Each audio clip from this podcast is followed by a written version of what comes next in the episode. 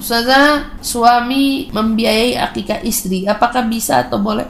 Bahasa bisa atau boleh saya ulangi lagi. Akikah boleh dibiayai dirimu, biayai siapa? Sebenarnya boleh, cuman kembali lagi akikah itu kewajiban seorang ayah kepada anaknya.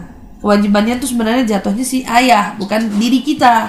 Nah, kalau si ayahnya mampu, tunaikan.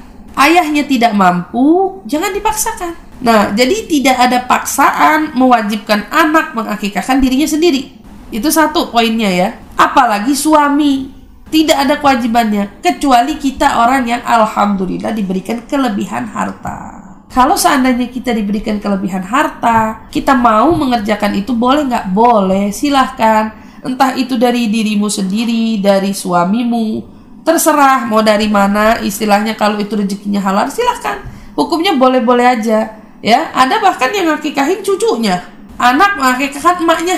Dibalik kan fungsinya. Padahal kan mestinya atas ke bawah. Ini bawah ke atas. Ada nggak yang begitu? Ada juga kan begitu jadi di sini bukan soal boleh tidak bolehnya boleh cuman itu tidak menjadi harus kembali lagi kepada si suami itu sendiri lebih baik dia menunaikan kurban saya ulangi lagi dia menunaikan kurban pahala dapat di dia dapat di keluarga bini anak-anaknya dapat semua nah mana yang lebih didahulukan dahulukan kewajibannya yang Allah wajibkan pada diri kita terlebih dahulu